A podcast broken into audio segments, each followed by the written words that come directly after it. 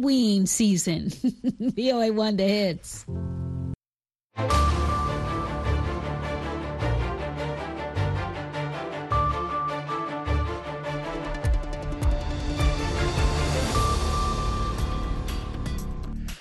halkani waa washington laanta afka soomaaliga ee v o a oo aad ka dhagaysanaysaan muwjadaha gaagaaban efmida geeska afrika iyo caalamka oo dhan oo aad nagala socotaan v o a somaly com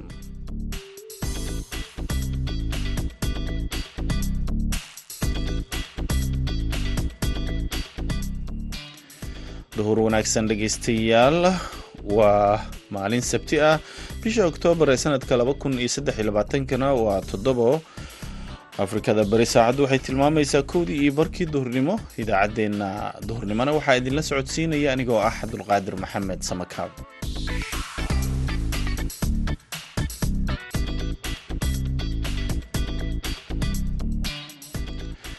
qodobada aad ku dhegaysan doontaan idaacadda duhurnimo. Waxaa ka mid ah barnaamijkii madasha dhallinyarada oo aan ku egayno caqabadaha iyo fursadaha ardayda qaxootiga ah ee ka baxa dugsiyada sare ee dalka kenya. Tir ahaan marka la isku celceliyo sannadkii saddexda xaro waxaa ka soo baxda dugsiga sare ilaa shan kun afar kun. Dhallinyaro ayaa ka qalanjibiyay dugsiga sare. Hay'adaha un-ka waxay awoodaan markii la fiiriyo waxbarasho dugsi sare ka baxsan ama heer jaamacadeedda arday tiradooda lagu qiyaaso konton markay kor u kacda. Toddobaatan. Kaalmihii heesaha ayaad sidoo kale maqli doontaan. Balse intaasoo dhan waxaa ka horreeya warkii dunida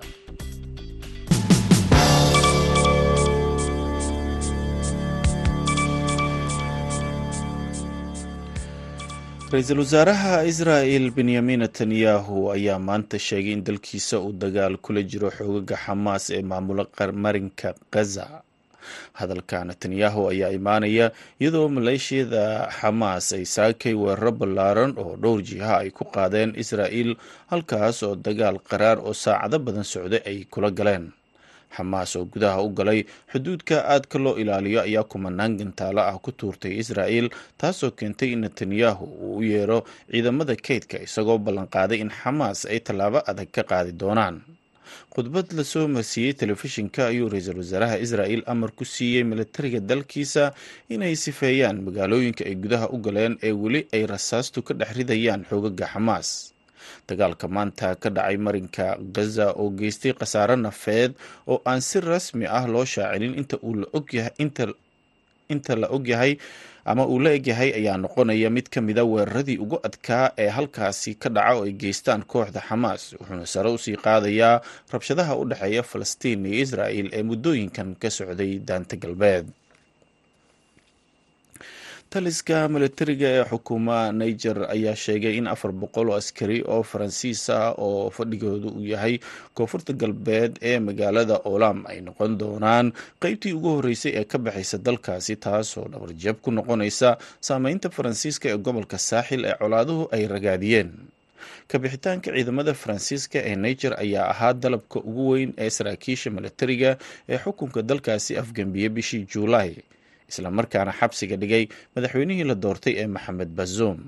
Wuxuu ahaa mid ka mid a afgembiyadii ugu dambeeyey ee ka dhacay galbeedka afrika ee saaxil halkaasoo dhibaatooyinka iyo halkaasoo la dhibtoonaya dagaalada maleeshiyada xagjiriinta ee alqaacida iyo daacish ku xiran ay ka geystaan. Dowladda faransiiska oo markii hore ka hortimid sharcinimada afgembiga laakiin bishii hore ayaa madaxweynaha faransiiska emmanuel macron uu go'aansaday inuu joojiyo iskaashiga militari ee uula leeyahay niger uuna kala baxo kun iyo shan boqol oo ka mid a ciidamada faransiiska taasoo liddi ku ah dadaalada reer galbeedka ay kaga hortegayaan kooxaha xagjiriinta afarta boqol oo askari ee faransiiska oo fadhigoodu yahay olam ayaana noqon doona kuwii ugu horreeyey ee ka baxaya dalkaasi sida ay sheegeen taliska militariga ee waddankaasi. Hadda xukunkiisa haya dhegeystayaal warkeennii dunidana waa nageynta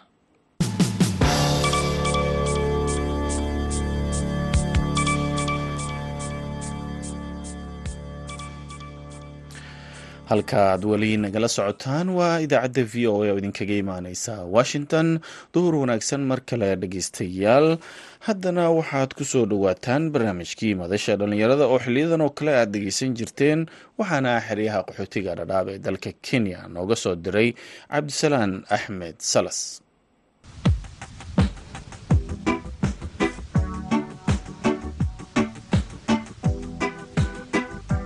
kulanti wanaagsan dhegaystayaal ku soo dhowaada barnaamijka madasha dhallinyarada oo toddobaadkiiba mar aad ka maqashaan warbaahinta v o a. Barnaamijka madasha toddobaadkan oo idinkaga imaanaya xeryaha dhadhaab ee gobolka waqooyi bari waxaan uga hadli doonaa caqabadaha dhallinyarada qaxootiga ah ka hortaagan inay sii wataan waxbarashada heerka jaamacadeed iyadoo sanad kasta kumanaan dhallinyaro ah ay ka gudbaan marxaladda waxbarashada dugsiyada sare. Barnaamijka waxaan ku wareysan doonaa maxamed cusmaan cabdulle xujaale oo ka mid a bahda waxbarashada waqti dheerna ku noolaa xeryaha dhadhaab. Balse ugu horeyn maxamed xujaale ayaan barnaamijka ku soo dhoweynayaa waan dhowahay cabdisalaan magacayga waxaa waye maxamed cusmaan cabdille waxaana ku magac dheerahay oo caan ku ahay xujaale. Waxaan ka mid ahay dhallinyarada ku dhaqan ama ku barbaaray xereyooyinka dhadhaab khaasaan xerada ifo.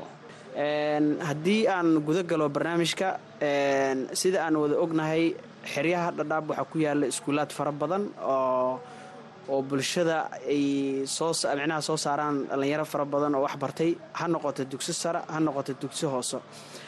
Tira ahaan marka la isku celceliyo sannadkii saddexda xaro waxaa ka soo baxda dugsiga sare ilaa shan kun afar kun dhallinyaro ayaa ka qalanjabiyay dugsiga sare. Hay'adaha un-ka waxay awoodaan markii la fiiriyo waxbarasho dugsi sare ka baxsan ama heer jaamacadeed isku celis ahaan saddexda xara waxay awoodaan inay u diraan jaamacada arday tiradooda lagu qiyaaso toddobaatan konton markay kor u kacda.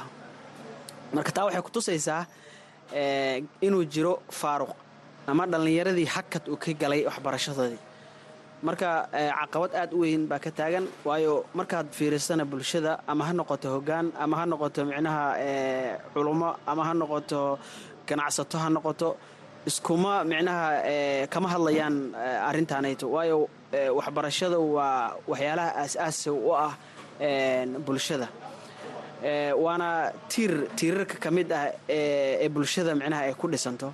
Haddii kaasna la lumiyo waxay u ekaanaysaa marka in bulshadii ay noqonayso kuwo mugdi ku sugan. Waxaa jirta marka hay'adihii annaga dhallinyaro ahaan ama horjoogayaal ahaan in muddo ayaan micnaha waxaan ka codsanay in ay tiradaasayta kor u qaadaan oo ilaa boqol ilaa boqol iyo konton ilaa laba boqol ay gaarsiiyaan balse waxay u eg tahay micnaha in ayaga naftikooda markii la weydiiyo ay dhahaan dhaqaala ayay u baahan tahay hawshan. Dhaqaale iyo micnaha kor laga soo dalbado ama hay'ado oo micnaha deeq bixiyo ay soo dalbadaan. Waayo waxaa jiri jiray oo haddana jiro mashruuc aad u ballaaran oo dhallinyaro fara badan oo soomaali ay ka faa'idaysteen oo ay maalgelisay hay'ada hoostaga dowladda canada lagu magacaabo wusk tiro aad u yar bay qaataan. Inta kalena micnaha waxaa weeyaan waa daafi oo ay maalgeliyaan hay'ada yurub ay leeyihiin laakiin tiro ahaan ayaga naftikooda aad bay u yaryihiin marka loo fiiriyo marka dhallinyarada dugsiyada sare ka soo baxayso iyo tirada aadaysa heer jaamacadeed waa waxaa waaye wax la isku barbardhiga ma ahan. Taas kama dhigno marka dhallinyarada in aysan heer waxbarasho ahaan aysan aadi karin jaamacad laakiin waa dhaqaalo la'aan iyo fursaddii oo meesha ku yar. Dhallinyaro fara badan oo micnaha haysto darajadii lagu aadi lahaa jaamacad oo waxaad arkaysaa aanan aadaynin jaamacad. Waayahay in xujaale sida aad sheegtay haddii lambar intaa la eg ay sanad kasta xeryaha ka soo baasaan dugsiga sare halkee bay u jihaystaan tirada dhallinyarada ay xeryaha ku nool waa mahadsan tahay waa su'aal aad cajiib u ah. Dhallinyarada intaa la eg iyo maxaa la dhihi jiray kuwo kaloo fara badanba markay waayeen fursad ay hor ugu sii wataan waxbarashadooda. Waxyaalaha sababa waxay ka mid tahay in dhallinyarada muqaadaraadka ay ku leexdaan ayay micnaha ka mid tahay. Because hay'ada fara badan ayaa jiro meeshan ee ka shaqeeyo xeryooyinka dhadhaab hay'adaha marka maxaa la dhihi jiray inta badan waxaa jiro dhallinyarada boqolkiiba siddeetan waxaa howlaha wado dhallinyaro soomaaliyeed oo weliba maxaa la dhihi jiray qaxootiga wax ku bartay kuna barbaaray. Fursadaha marka shaqageynta ama shaqooyinka ee ka soo bannaanaado aad bay u yaryihiin marka tirada waxaa arkaysaa mar dhexdaasa meel aan fiiriyey hal boos oo meel ka dhegnaa waxaa codsatay ilaa saddex boqol afar boqol oo dhallinyara taasaa marka waxay ku tusaysaa culeyska ay leedahay. Heerka maxaa la dhihi jiray shaqala-aanta ee soo wajahday dhallinyartii. Waayo haddii maanta dhallinyartan ay yihiin kuwa waddan leh oo micnaha laga fikirayo oo juhdi lagu bixinayo waxaa loo samayn lahaa shaqo abuur waxaa loo samayn lahaa in micnaha kuwa darajadooda ay aad u sarraysa ee raba inay micnaha waxbarashadoodana hor u sii wataan ilaa heer jaamacadeed. Jaamacada ayaa loo diri lahaa. Marka meeshaasayd waxaa jira hakad fara badan caqabad ayaa jirto. Taasna waxay sababtay inay dhallinyaradii ay u weecdaan ay ka weecdaan wadadii waxbarashada ay hor ugu sii wadan lahayn ay u weecdaan dhanka micnaha muqaadaraadka oo aad aragto suuqyada markaad soo gasho meelaha muqaadaraadka lagu cuno sida qaadka boqolkiiba siddeetan waa dhallinyaro wixii ku jiro. Boqolkiiba siddeetan waxa ku jiro waa dhallinyaro taasaa marka waxay kutusaysaa in dhallinyaradii markii ay waayeen fursad ay hor ugu sii wataan waxbarashadooda in ay u weecdeen muqaadaraadkii. Waa midda hadda meerka caqabadda nagu ah oo mar walba annagii oo dhallinyaradii micnaha iskood isu abaabulay oo dhallinyaradii inaan micnaha wacyigelin ku samayno oo annagoo micnaha yoolkeenna uu yahay inaan ka hortagno dhallinyarada muqaadaraadka aad u isticmaalayso sababi kartana micnaha hadhow in ay shakhsi ahaan u burburaan qowmiyaddana ay bulshadana ay dhib u keenaan dhulka ay ku noolyaan ay dhib u keensaan. Aan u samaynayno wacyigelin toos ah iyo mid micnaha aan meelo idaacadaha aan u marinayna ah. Waayahay maxamed haddii arrinku sidaa yahay bal waxaad ii sharaxdaa saamaynta ay ku yeelan karto kuwa haatan iskuullada wax ka baranayo maadaama kuwii ka horreeyey ay noqdeen kuwa haatan muqaadaraadka isticmaalayo oo waxbarashadii ka soo haray. Waxaa waaye horta saadaasha markaad fiiriso ma xumo. Dhallinyartii waxaa weeyaan wakhti bay ku bixinayaan juhdi bay ku bixinayaan inay wax bartaan. In ilaa darajada ugu sarrayso marka hadda qayimka hadda anaga aan joogno oo xeryahan dhadhaab ah waa darajada ugu sarrayso waxaa weeyaan ilaa dugsi heer sare in laga baxo dugsi sare in laga baxo. Marka way ku dadaalayaan wakhti bay ku bixinayaan macalimiintii ardaydii iyo waaridkii taa way ka soo wada way ka wada micnaha way ka wada midaysan yihiin. Laakiin waxay u eg tahay in aan waddada lagu socdo aynan ahayn mid wanaagsan aynan ahayn. Sababto tahay haddii sannadkii afar kun ay soo baxdo labaatan ay waxbarasho maxaa la jiray heer jaamacadeed ay aado. Saddex kun sagaal boqol iyo siddeetanka kale shaqana ay waayaan. Xaggee aadayaan wadha su'aasha taallo waa taas. Waxaa markaa jawaabteed ay tahay inay aadayaan kuwii ayaga ka horreeyey meesha ay mareen. Inay marayaan bay caddaanaysaa. Marka waxaa marka jirto in dhallinyaradii aanan lagu bixinin wakti wixii micnaha ay uga hortegi lahaayeen muqaadaraadka inaanan meesha aynan totale oolin oo aan wakti lagu bixinin dhaqaalana lagu bixin lana hilmaamay. Waa tahay. Markii la waayey taageerada hay'adaha ee ku aadan waxbarashada heerka jaamacadeed maxaa diiday in dhallinyaradan qaarka awoodo dhaqaale ahaan inay safarkoodii waxbarashada halka ka sii wadaan maxaa diidan ilaa nolol ahaan qaar waxaa laga helayaa awoodi karo inay waxbarashadoodii sii jaan qaadaan. Okay waxaa horta waxaa jira meeshan isku xirnaan la'aan dhallinyaradii hoggaankii iyo bulshada indheheeda taas marka waxay ku tusaysaa in ay faaruq uu jiro. Haddii shaksiga guriga uu awood u leeyahay in uu waxbarashadiisa u sii wado hal iyo laba dhallinyarada dugsiyada sare ka baxda ee qoyska ka soo baxdo. Oo mar horena arrintaa la bilaabi lahaa ayadoo ama lala xiriirinayo micnaha xerada dadkii lacagta leh ay ardayda micnaha maxaa la jira waa ilmahooda kuwa darajada fiican keenay. Ayadoona hay'ad la sugaynin dowlad la sugaynin ay ayaga intay isu tashtaan qoys ahaan ay ka bixin lahaayeen dhallinyartaasayta jaamacada waddo fiican baa ifi lahayd. Waanay ku dayan lahaayeen dhallinyarta laakiin bulshadii ayaanan micnaha yaa faaruq u ka jiraa oo aanan aaminsaneyn in waxbarashada muhiim ay tahay.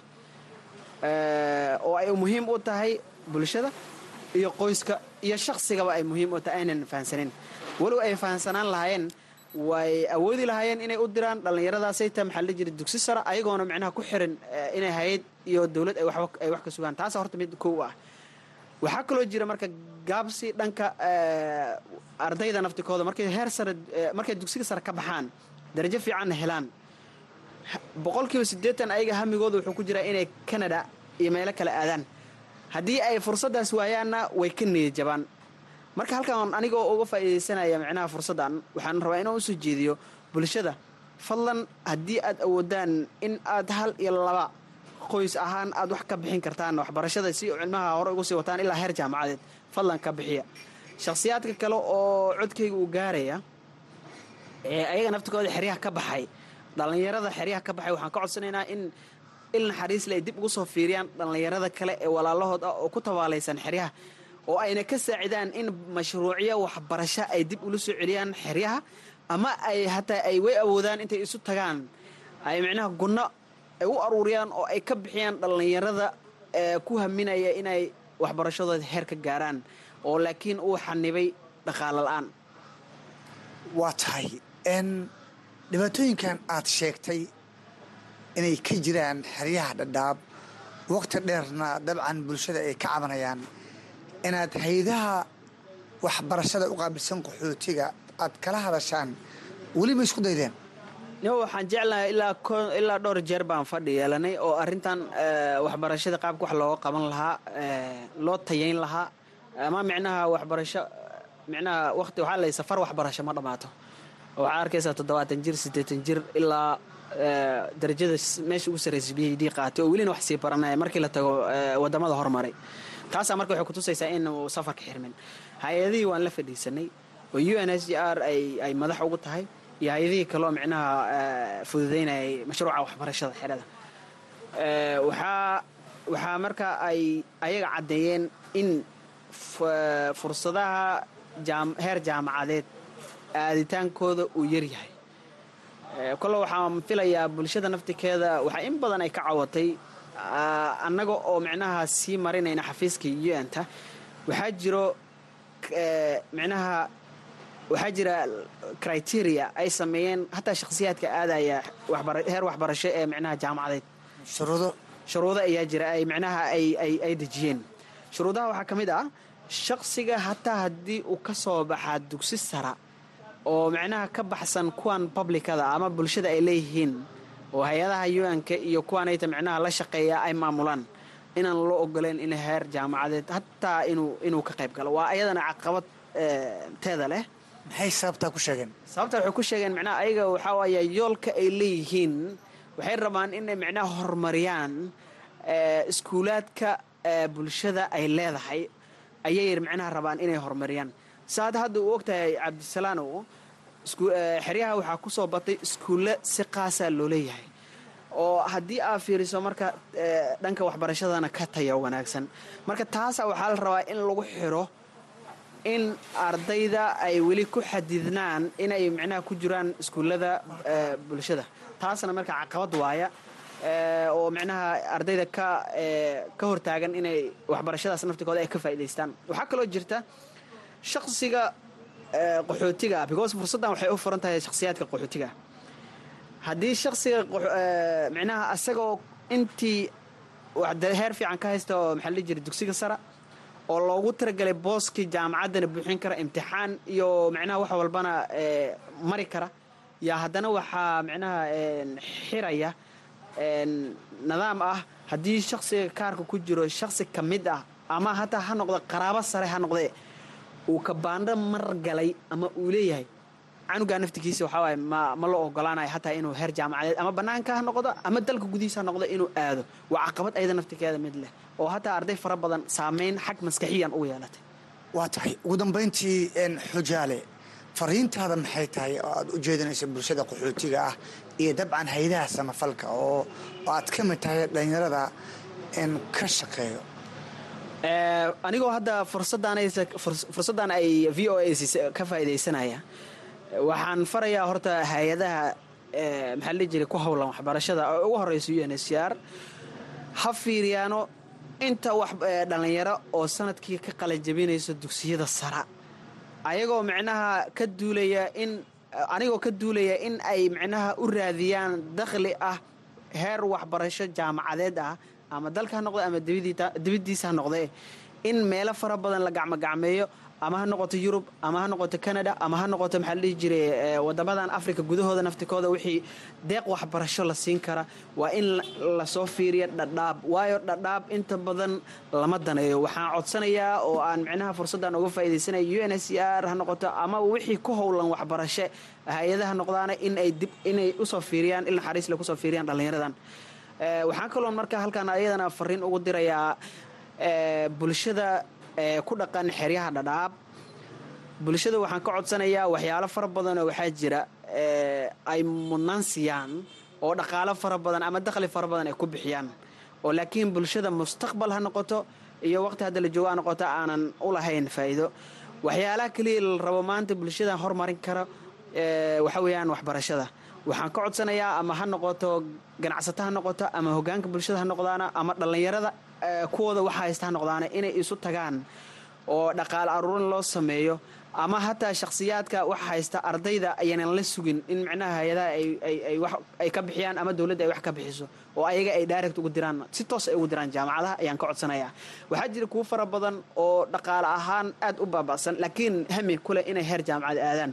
Waxaan ka codsanaya marka bulshada inay isu imaadaan oo ay isu tashtaan oo ayaga naftikooda shakhsiyaadkaasayta waxaa laga yaabaa hogaankii soomaali berri hogaamin lahaa inuu ku jiro xeryahan dhadhaab sifa marka hogaankaasayta loo badbaadiyo yoolkiisana micnaha loo loo gara qabto aan laisu yimaado shakhsiyaadka waxbarashada raba hamigana leh inay hor u sii socdaan in la diro.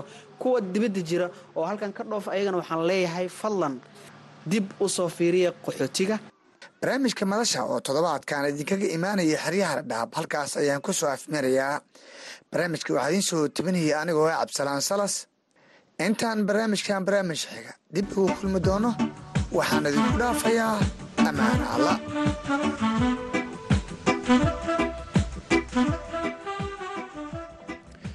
aad ayuu u yahay cabdisalaan axmed salas oo nala socodsiinayey barnaamijkii madasha.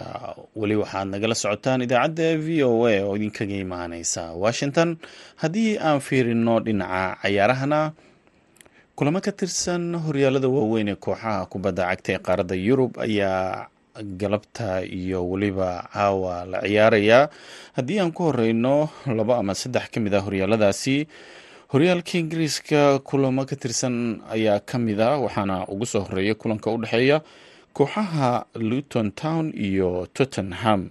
Sidoo kale waxaa wada ciyaaraya banley iyo kooxda waayadan uu xaalka ku xun yahay ee chelsea everton waxay la ciyaari doontaa bournemouth fulham iyo waxaa isku aadan shevel united.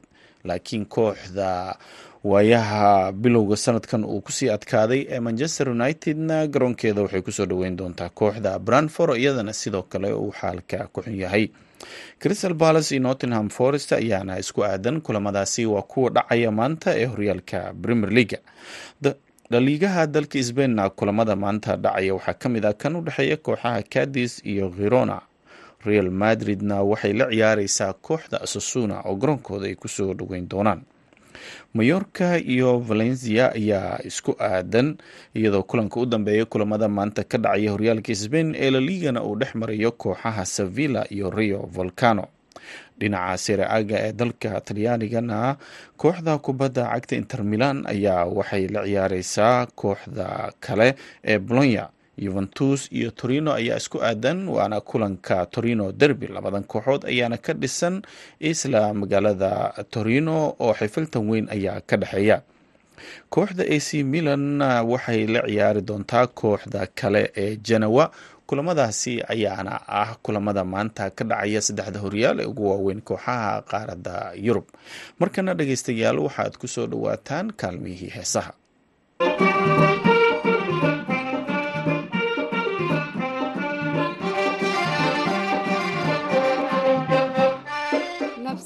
gaxsha godolkii soomaaliya sidan anigu ku galay gafi maysid adigu nafsi ruuxi gaxsha godolkii soomaaliya sidan anigu ku galay gafi maysid adigu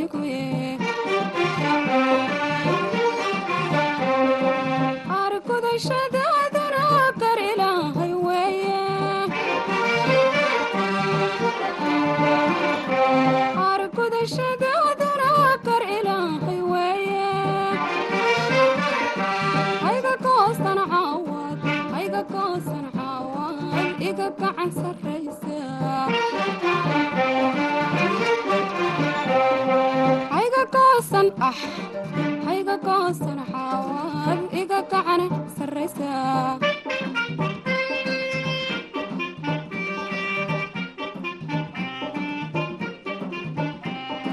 Qofkafa abaalkii yahay guul darante waxaanaynin gabadhyay gacantaadu meligte qofkafa abaalkii yahay guul darante waxaanaynin gabadhyay gacantaadu meligte waxaanay garaaxiyo godobka tirsanaye.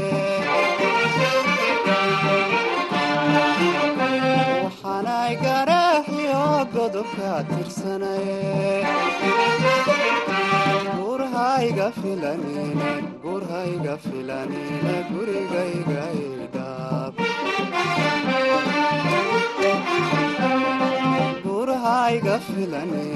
gurhayga filanine gurigayga idhaab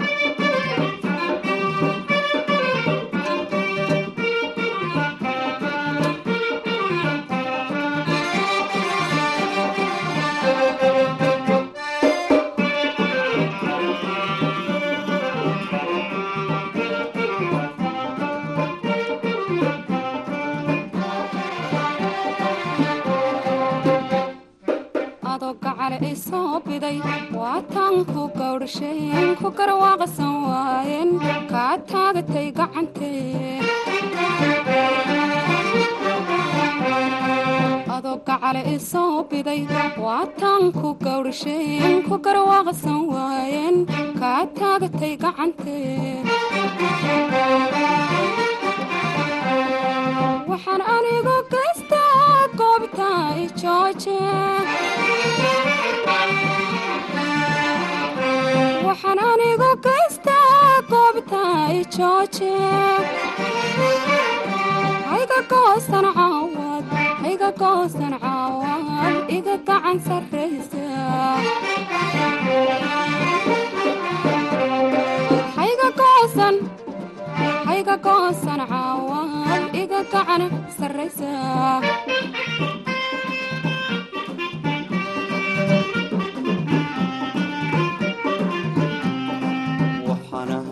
gacalkii awgaa u gooyo.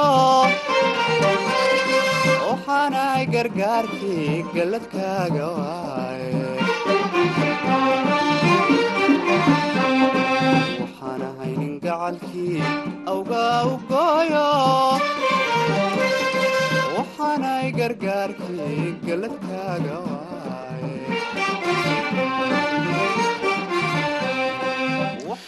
heestaasi ayaa u dambeysay idaacaddeenii duhurnimo tan iyo idaacaddeenna galabnimo waxaan idinkaga tegaynaa sidaa iyo nabadgelyo